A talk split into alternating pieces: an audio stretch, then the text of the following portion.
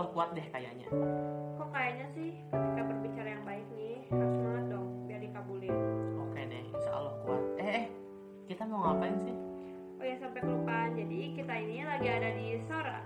Hah, apa itu Sora? Sora itu singkatan dari Story of Ramadan. Jadi kita bakal ngabuburit bareng karena kita memasuki waktu Indonesia ngabubur. Wah, asik kita ngabuburit bareng nih. Ya dong,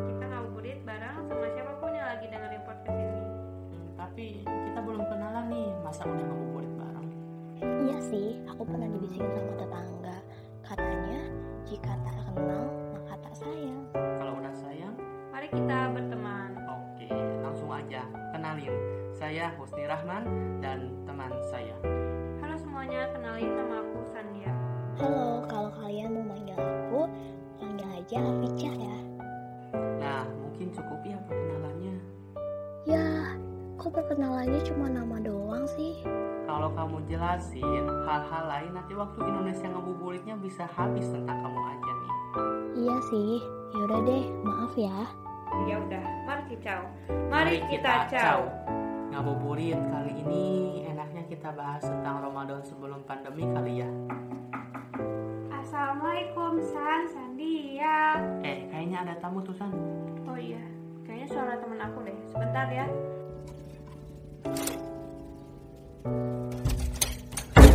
Wah, tumben gak pakai password. Password apaan? Sandiaga Uno. Loh, Lo lo lo. Wah, ngapain nih rame benar? sini ikut ngabuburit. Pasti ini Wing ya? Iya, Wing. Waktu Indonesia ngabuburit. Yang kemarin aku ceritain itu loh. Wah, aku diajak nih. Iyalah, biar tambah meriah. Oke, halo guys, aku Sarah. Kebetulan nih, kita lagi bahas ngabuburit sebelum ada pandemi nih. Biasanya kamu ngapain sih kalau lagi wing kayak gini? Biasanya aku senang banget baca kayak baca zodiak, sio, berita lambe, dan majalah-majalah. Soalnya bikin waktu puasa aku gak kerasa. Eh, Sar, kamu tahu nggak hukum baca zodiak, sio dan ramalan lainnya itu bisa membatalkan iman kamu loh. Hah? Padahal kan sio aku monyet air. Nah, katanya tahun ini emang tahun keberuntungan gitu. Iya, serius karena itu termasuk menyekutukan Allah. Jadi hal yang dianggap sepele itu bisa saja membatalkan iman kamu loh, Sar.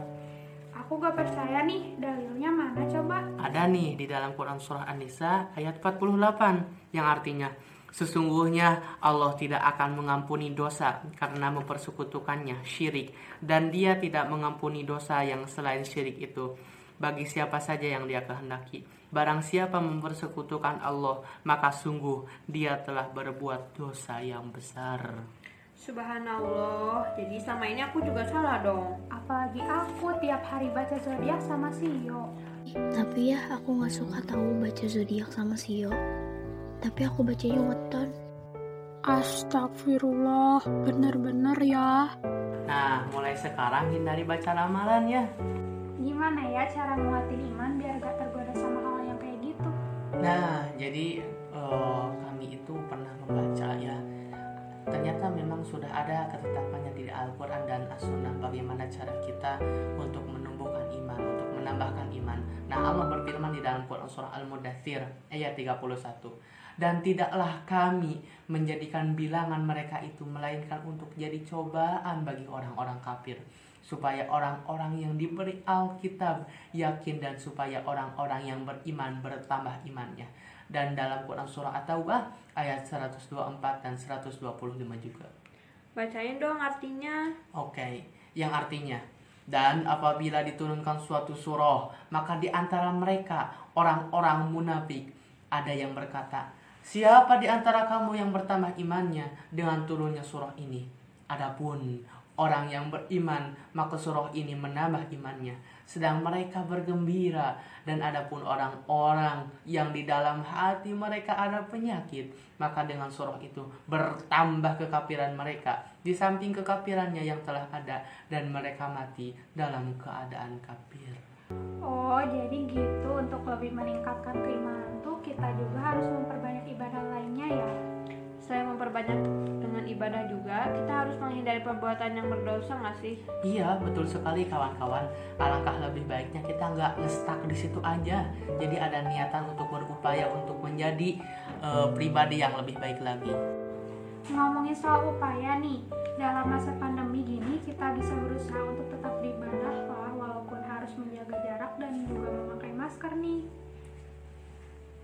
Hmm, ketika kita menjaga jarak nih.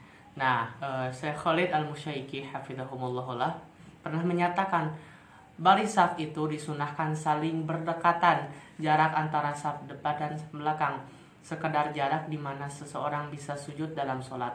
Namun jika dibutuhkan dan dikhawatirkan akan penyakit menular atau sebab lainnya, saf depan dan belakangnya dibuat lebih lebar. Jika ada yang sholat di, sendirian di belakang saf, itu juga dibolehkan ketika mendesak. Ibnu Taimiyah rahimahullah taala sendiri menganggap bahwa membentuk satu baris soft al-musaffah itu wajib.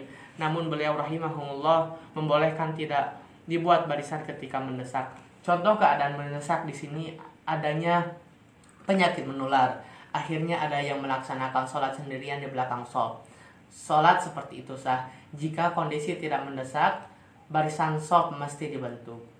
Jadi tetap sah ya walaupun sholat harus jaga jarak. Oh iya, kalau sholat pakai masker itu gimana? Nah, untuk pemakaian masker saat sholat, setahu aku, Imam Nawawi rahimahullah mengatakan, menutup mulut dan hidung atau atau atau menutup mulut saja dengan tangan atau yang lain ketika sholat dimakruhkan. Dimakruhkan juga menutup mulut dengan tangan. Hal ini dikecualikan untuk yang bersin dalam sholat. Maka diperbolehkan menutup mulut karena dalam kondisi ini yang sesuai sunnah adalah menggunakan tangan untuk menutup mulut sebagaimana pengajaran yang terdapat dalam hadis di Sahih Muslim. Suatu yang makruh menjadi boleh ketika ada hajat seperti saat batuk, pilek, takut menularkan ataukah takut tertular berdasarkan kaidah. Jadi, memakai masker saat sholat berjamaah saat pandemi seperti ini dibolehkan karena ada hajat atau kebutuhan. Jadi buat para cowok nih yang masih takut gak diterima sholatnya kalau pakai masker, jadi udah jelas ya tetap sah karena ada hajat atau kebutuhan. Wah, ngabuburitku sangat produktif ya kalau bareng kalian. Alhamdulillah. Kalian yang dengerin juga ngerasakan podcast ini banyak ilmunya. Makasih ya teman-teman Tiljanaku. Amin. Kira-kira ada yang mau diomongin lagi gak ya? Soalnya bentar lagi bukan nih. Kalau kalian masih mau ngobrol, aku pulang duluan ya. Gimana? Sampai sini aja kali ya. Setuju, aku kan mau siapin menu buka puasa hari ini. Betul, jangan sampai karena mendengarkan podcast kita eh, melalaikan dari tanggung jawab yang harus kita tunaikan. Oke, kita tutup yuk. Salam bareng-bareng ya.